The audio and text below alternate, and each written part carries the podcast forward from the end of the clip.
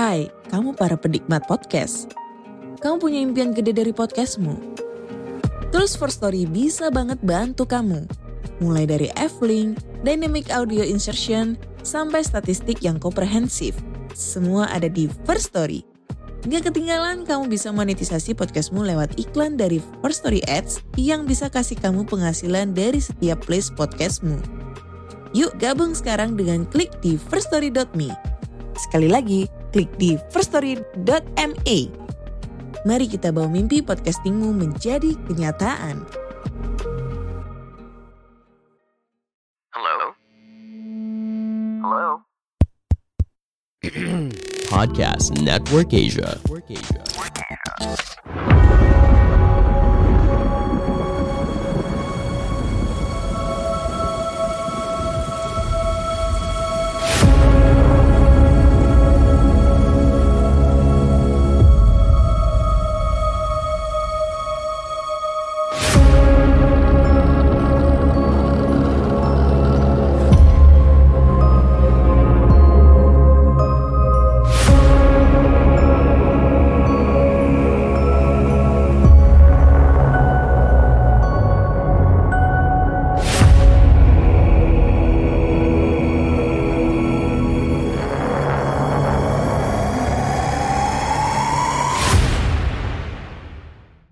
Halo semuanya, selamat datang di podcast dengerin horor teman-teman.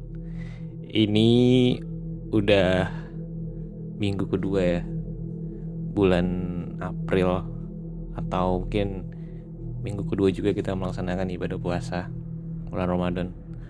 Dan biasanya minggu-minggu kayak gini nih udah ada nih undangan-undangan buat buka bersama gitu kan. Itu baik dari alumni SMP, alumni angkatan SMP, alumni angkatan SMA, SD, TK gitu. Atau mungkin angkatan kuliah gitu kan, satu kampus gitu. Kalau gue sendiri sih udah ada ya, udah ada sounding sounding itu udah ada satu dua orang yang sounding di grup, eh ayo bukber yuk gitu. Tapi sejauh ini baru satu yang terlaksana gitu. Kalau teman-teman gimana nih? Udah ada belum join bukber angkatannya? Tapi uh, di balik acara bukber ini ya jangan sampai gara-gara acara bukber terus pengen ikut bukber terus lu pada ini memaksakan kehendak gitu kan memaksakan memaksakan diri gitu. Karena gue kemarin lihat di twitter katanya ada beberapa orang yang ikut bukber karena pengen menunjukkan sesuatu gitu loh. Maksudnya ada juga beberapa orang yang kayak gitu yang pamer pamer outfit lah. Terus lu kalau outfit ya oke okay lah outfit itu kan ya kita kan pengen berpenampilan gitu. Maksudnya ada orang yang pengen ya dia kerja di mana gitu. Banyak tujuan-tujuan kayak gitu tuh. Apalagi kalau misalnya kita ke angka ke angkatan alumni alumni kayak misalnya alumni SMP atau SMA mungkin alumni SD gitu kan kalau misalnya bukber sama temen-temen deket mah ya udah santai-santai aja gitu. Yang dipermasalahkan kalau misalnya alumni alumni SMP SMA tadi yang banyak gengsinya men. Gue rasa kayak gitu sih. Kayak ih, ntar gue bukber bawa mobil atau enggak ya? Bawa motor atau enggak? Bawa mobil atau enggak gitu kan? Terus ntar uh, handphone gue masih kayak gini lagi ntar takutnya teman-teman gue udah pada pakai iPhone 11, iPhone 12, iPhone 13, gue masih iPhone 6 gitu kan misalnya gitu. Jadi jadi jangan sampai gara-gara lo ikut pengen ikut bukber gitu kan limit pay letter lo jadi kepake gitu. Maksud gue ya ya udah sederhana aja gitu apa adanya aja kita kan pengen bersilaturahmi gitu bukber buka bersama tapi ya udahlah ya itu perihal tentang bukber tadi. Tapi kita kali ini bukan membahas tentang bukber. Ini agak jauh dari bukber juga soalnya ini membahas tentang cerita horor men. Ini kan lu jangan sampai lupa lah ini tuh cerita ini tuh podcast channel podcast tentang horor bukan stand up komedi atau mungkin live daily life gitu. Cerita daily life gak ada gak ada. Ini podcast horor ya. Oke jadi kita bakal bahas cerita horor, treat horor dari akun Twitter @jalamangkara27. yang berjudul Kepundan. Kepundan ini kalau ada yang belum tahu ini adalah sebuah kawah yang ada di gunung di atas gunung yang terbentuk karena alam ya. Nah, kenapa bisa ada cerita di situ? Ya gue nggak tahu karena gue baru baca, baru pengen baca ini. Jadi kita bakal baca bareng-bareng, dengerin bareng-bareng, oke? Oke kita mulai. Kata orang di desa, bila ada yang harus dihindari, maka kepundan ini adalah salah satunya. Ini akan menjadi cerita gue yang gak pernah dilupakan karena menyangkut nyawa penduduk yang hidup berdampingan dengan kerajaan tak kasat mata yang konon katanya masih ada hingga saat ini. Beberapa warga desa sering mengaku melihat ular besar sebesar batang pohon kelapa sedang berjemur di antara bebatuan dan rimbunnya semak. Bagi yang belum tahu apa itu kepundan, itu area yang terbentuk ketika gunung berapi meletus atau kawah. Sebagian lempeng tanah dan batuan sekitar merosot hingga membentuk cekungan. Jika terisi air hujan, maka akan menjadi danau dadakan. Karena berada di dataran tinggi, lokasi ini dijadikan perkebunan teh oleh pemerintah dan masih produktif beroperasi hingga saat ini. Sebelumnya, penduduk tidak pernah merasa terganggu oleh mereka. Namun saat perluasan perkebunan mulai dilakukan, di mana pohon-pohon besar harus ditumbangkan untuk kelanjutannya diganti bibit teh terbaik, dan sialnya kepundan ini harus diuruk tanah atau dikubur tanah. Karena tujuan dari pemerintah tadi yaitu, yaitu ingin menambah lahan buat menanam teh, perkebunan teh. Hal yang dilakukan selanjutnya setelah perluasan dimulai adalah mendatangkan truk-truk berisi tanah untuk memulai pegurugan. Pegurugan. Apa sih? Kayak penimbunan. Eh. Yang terjadi selanjutnya adalah dua orang tewas di tempat. Bagaimana matinya masih dirahasiakan pihak kontraktor. Di sini, Mas Tri mulai turun tangan Mas Tri ini kebetulan masih sepupu bapak gua. Beliau yang biasa menangani kasus-kasus goib di desa. Dia tahu betul efek yang ditimbulkan terhadap penduduk desa jika kerajaan siluman di sana diratakan dengan tanah. Pihak kontraktor meminta bantuan Mas Tri untuk melancarkan proses pengurukan, namun disampaikannya langsung bahwa ia tak sanggup melawan murka sang raja. Takut melawan murka sang raja penghuninya mungkin ya di sana. Tak patah arah akhirnya pihak pengelola mendatangkan beberapa orang dari luar desa yang katanya sanggup menyingkirkan atau setidaknya memudahkan pekerjaan mereka. Oke, mereka nggak patah semangat ya, artinya tetap nyari orang selain Mastri tadi, karena Mastri kan nggak mau ya, yang bisa menyingkirkan atau memudahkan pekerjaan mereka. Kemudian dupa ditancap di empat penjuru. Kain hitam yang membungkus kepala kerbau bule dilempar ke tengah kepundan sebuah metode pengusiran secara halus. Oh, gue baru tahu. Kain hitam yang membungkus kepala kerbau bule dilempar ke tengah kepundan. Oke, okay. Nampaknya hanya membuat mereka yang menetap lama di sana tidak terima. Satu persatu mulai tumbang dengan penyakit-penyakit aneh. Kejang-kejang dengan bola mata yang menghitam, sementara yang lainnya terbatuk-batuk dengan keras belum kemudian ular kecil dengan pola cincin kuning keluar dari mulut dan telinga. Entah sudah berapa malam hal gaib banyak terjadi. Proyek pengurugan dihentikan sementara. Namun, para pekerja belum membubarkan diri. Mereka membangun mes dari tenda sementara untuk bermalam. Fenomena terburuknya ialah kejadian abot eagle. Abot eagle hanya sebuah istilah. Makhluk ini jarang terlihat, namun gue yakin dari energinya makhluk ini salah satu dari yang paling berkuasa di sana. Malam itu, para pekerja proyek perluasan lahan sedang beristirahat dalam tidur. Sesaat terdengar suara gemerasak dilanjut dengan desisan. Abot Eagle sedang berkeliling menandai tenda pekerja. Mastri malam itu berkeliling di luar area perkebunan. Tak sejengkal pun tanah yang ia pijak luput dari taburan garam yang dibawanya. Desisan suara ular mengerikan itu pasti membuat siapa saja merinding.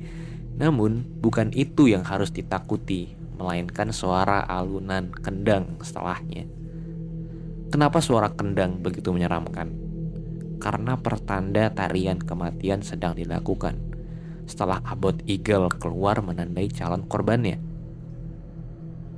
Mereka yang pernah ketiban sial berurusan dengan si Abu Eagle menuturkan ia adalah perwujudan dari wanita cantik yang sedang mencari, maksud saya sedang menari lengkap dengan aksesoris kerajaan yang ditemani ular. Banyak sekali ular yang menggulung bergelumul menjadi satu. Kemudian keesokan harinya, tiga dari delapan orang yang tinggal di mes pekerja sementara itu ditemukan tewas dengan kondisi kondisi tubuh yang masih utuh namun dengan setiap tulangnya yang melekat di tubuh itu remuk. Mungkin dililit sama tadi ya, siluman ular tadi. Sampai tulangnya remuk gitu. Kayak lu tau gak sih uh, ikan bandeng? Tau gak sih ikan bandeng? Jadi ikan bandeng tuh kan tulangnya kan lunak ya, bahkan sampai gak ada gitu. Sampai kalau lu gigit tuh kayak daging doang gitu nah mungkin kayak gitu luarnya kan berbentuk kayak ikan tapi dalamnya kayak nggak ada sama sekali sih men tulang tulangnya sampai sampai halus banget mungkin kira-kira kayak gitu ya nah kemudian proses tabur garam yang dilakukan Mastri tak lain agar yang di dalam tetap di dalam nggak usah keluar hingga membahayakan penduduk sekitar. Pengelola pantang menyerah. Bagi mereka mungkin uang adalah urusan belakangan. Yang lebih utama so adalah soal harga diri. Maksud gue martabat dan profesionalisme kerja yang menjadi pertaruhan. Kemudian didatangkannya lagi seorang dari kota S dari pesisir Jawa Barat. Pengisiran Pengusiran dilakukan dengan menjanjikan tempat baru, namun negosiasi hanya disepakati jika ada tambahan nyawa dari beberapa pemuda yang lahir di hari Selasa. Hal ini yang membuat Mas Tri marah, mukanya merah padam, karena resiko yang diambil pihak pengelola sudah kelewatan. Gue ingat pagi itu pihak kontraktor keliling desa mengajak anak-anak muda terkhusus kaum lelaki untuk ikut bergabung dalam pekerjaan perluasan kebun dengan iming-iming bayaran yang cukup besar. Anehnya, tak satu pun yang mau. Para orang tua yang tahu anaknya diajak menjadi bagian pekerjaan itu nyaris menebas leher orang-orang dengan helm khas proyek itu. Alasannya mereka tahu kalau tawaran kerja itu hanya kedok dari penumbalan pada sang raja. Mastri selalu mengingatkan agar pekerjaan itu dihentikan karena mereka tidak tahu apa yang bersemayam di tengah kepundan tadi. Ulah pemborong yang terus-menerus mendatangkan orang sinting malah membuat demitnya semakin menjadi jadi. Eksistensinya setiap malam bertambah parah. Gangguan yang awalnya hanya kepada para pekerja kini mulai berimbas pada penduduk sekitar. Pagi itu, buruh perkebunan sedang menanam pucuk daun teh Bu Siti. Mengajak putra sulungnya untuk ikut membantu. Lokasi kebun dan kepundan berjarak hanya 100 meter. Putra Bu Siti ini sedikit berkebutuhan khusus sementara suami Siti seorang perantau.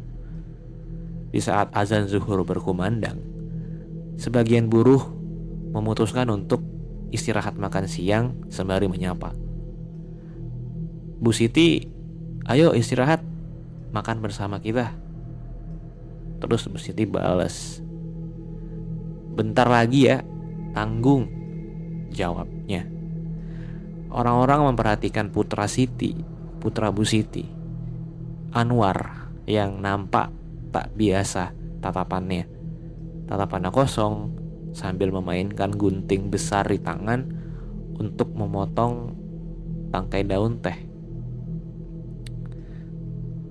Bu, anakmu kenapa? Siti nampak heran, lantas ia menghampiri Anwar sambil menepuk-nepuk bahunya. Yang terjadi selanjutnya anak itu meringis, mengiris anak itu mengiris daun telinganya sendiri. Bukan daun teh, malah daun telinganya sendiri. Hingga putus, lalu dimasukkan ke mulutnya. Darah segar mengalir di pipi hingga membasahi pakaiannya. Kalian pernah makan tulang rawan? Seperti itu bunyi kerauknya. Kerauk, kerauknya. Gue gak pernah sih men. Gue gak pernah makan tulang rawan ya kalau nggak salah tuh ada ya tulang rawan yang boleh dimakan itu tapi apa ya daging hewan men da daging ayam atau oh ini apa sih kalau nggak salah ya e, ceker ayam itu kan tulang rawan juga ya kalau nggak salah nih gue gue lupa lupa ingat nih ceker ayam itu tulang rawan gak sih? Bukan ya? Pokoknya ada bagian hewan yang tulang rawan terus pernah dimakan sama seseorang gitu teman gue atau mungkin siapa gitu kakek atau paman gua lupa gua. Pokoknya boleh dimakan tulang rawan hewan tadi. Oke. Kemudian si Anwar tadi memakan telinganya sendiri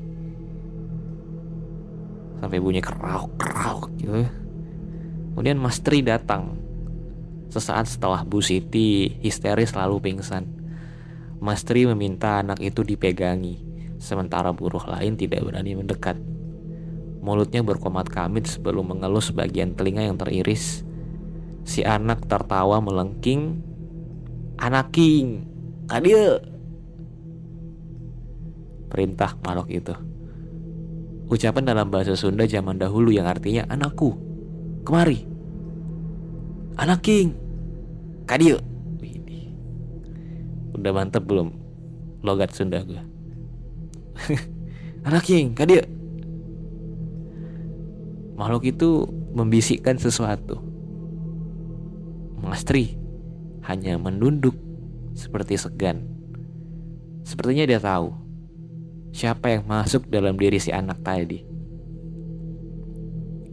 tukar dengan saya saja mbah jangan anak ini kasihan Belakangan gue tahu makhluk yang nyurup perwujudannya wanita.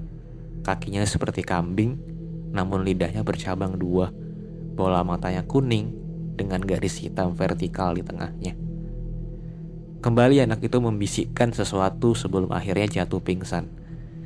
Si anak Bu Siti dibopong pulang ke rumah.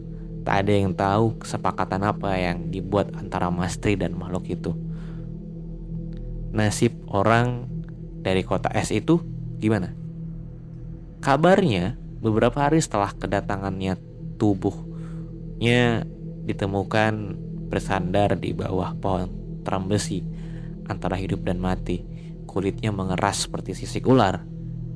Buat yang dengerinnya sekarang ini yang udah lupa mungkin karena ada sedikit lupa ya. Mungkin 5 menit yang lalu gue ngomongin. Jadi yang dimaksud Mas ini orang di kota es tadi itu yang orang yang didatangkan oleh uh, yang punya proyek tadi buat tadi membantu menenangkan atau meng, menggampangkan proses pelebaran lahan di sana dan kabarnya orang yang dari kota es itu ditemukan bersandar di bawah pohon trembesi dan kulitnya mengeras seperti sisik ular. Kalau di desa gua ramai fenomena abot igal. Beda dengan desa sebelah. Teror yang paling diingat adalah teror dari Nyai Daragem. Namanya sesuai dengan penampakannya yang duduk di kereta kencana yang ditarik empat ekor kuda hitam kemerahan atau yang disebut Daragem.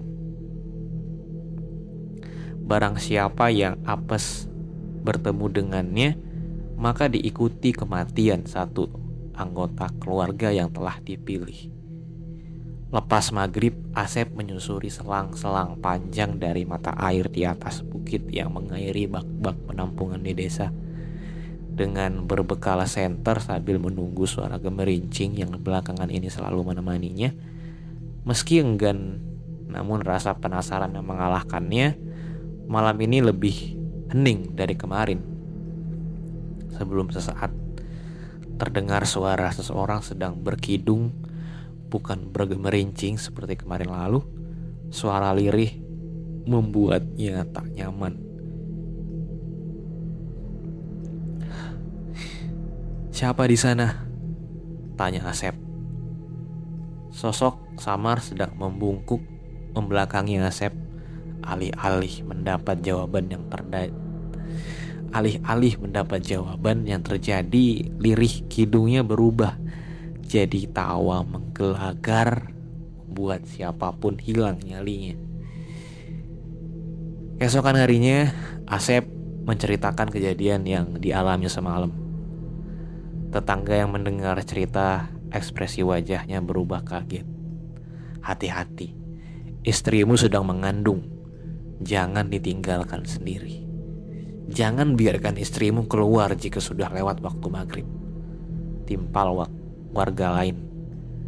Ketika ditanya alasannya, sebagian warga yang hanya menjawab, "Keluargamu sedang diincar."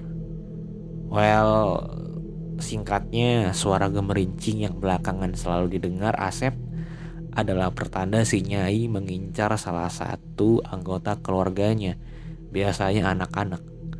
Gilanya, makhluk itu tidak pernah jauh dari Asep. Ia menemani ke mana pun Asep melangkah.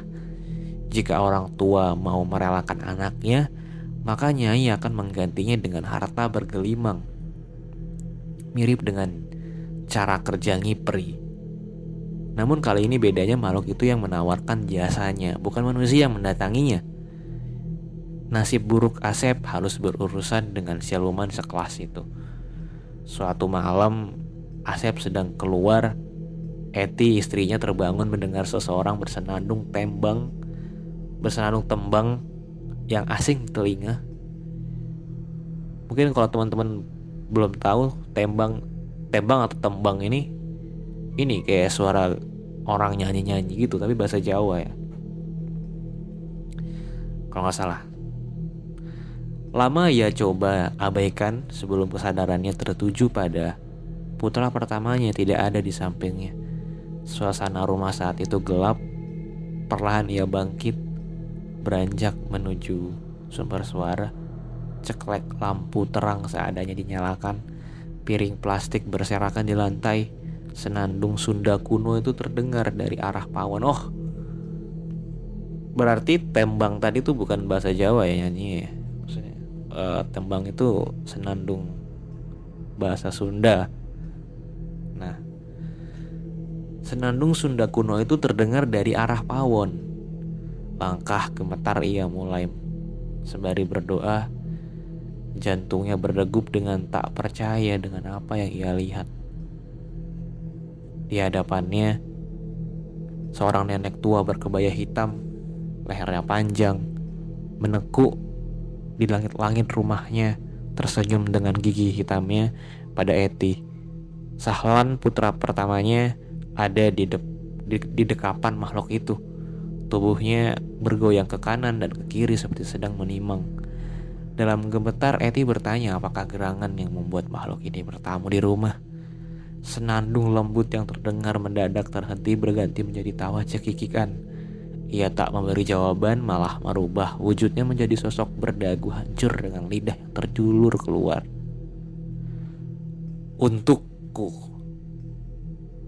Jari berkuku hitam menunjuk perut Eti yang tengah mengandung. Saat itu juga Eti tak mampu menahan takutnya sebelum akhirnya tergeletak tak sadarkan diri.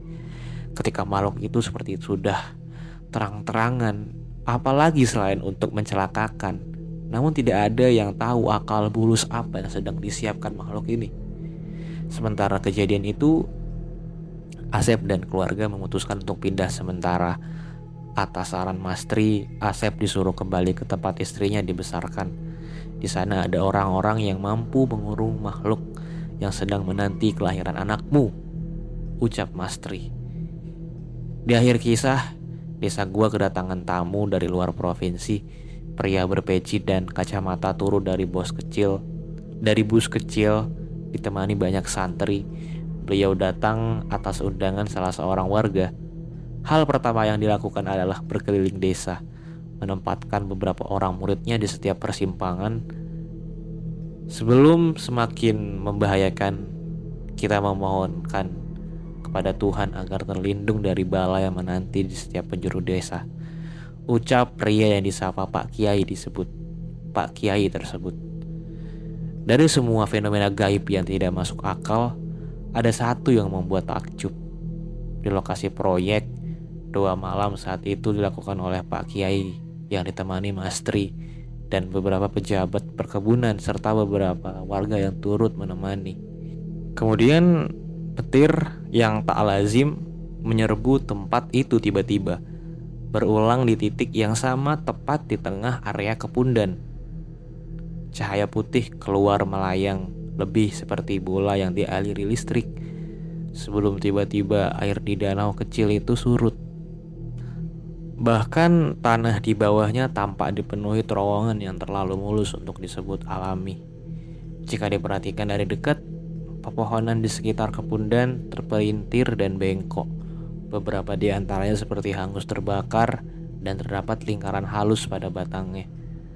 Setelah rentetan peristiwa di desa itu dan banyaknya korban berjatuhan, rupanya Tuhan mengirimkan seseorang yang benar-benar mampu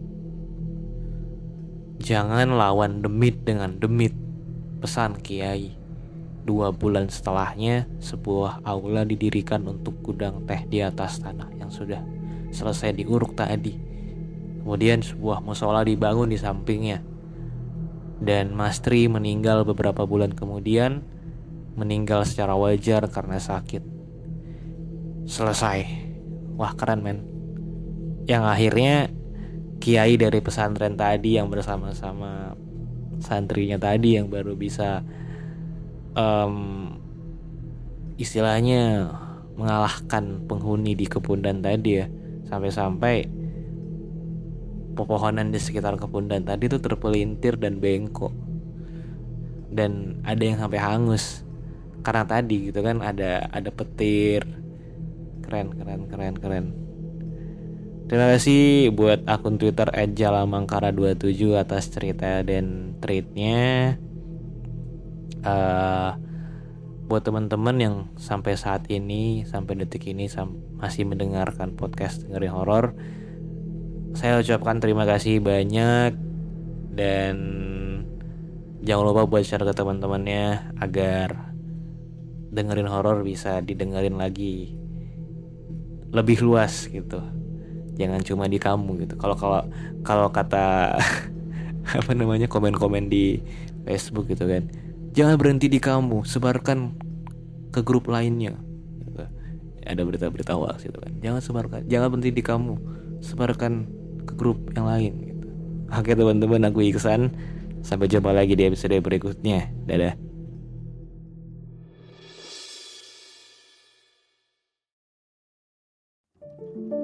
Pandangan dan opini yang disampaikan oleh kreator podcast, host, dan tamu tidak mencerminkan kebijakan resmi dan bagian dari podcast Network Asia. Setiap konten yang disampaikan mereka di dalam podcast adalah opini mereka sendiri dan tidak bermaksud untuk merugikan agama, grup etnik, perkumpulan, organisasi, perusahaan, perorangan, atau siapa pun dan apa pun.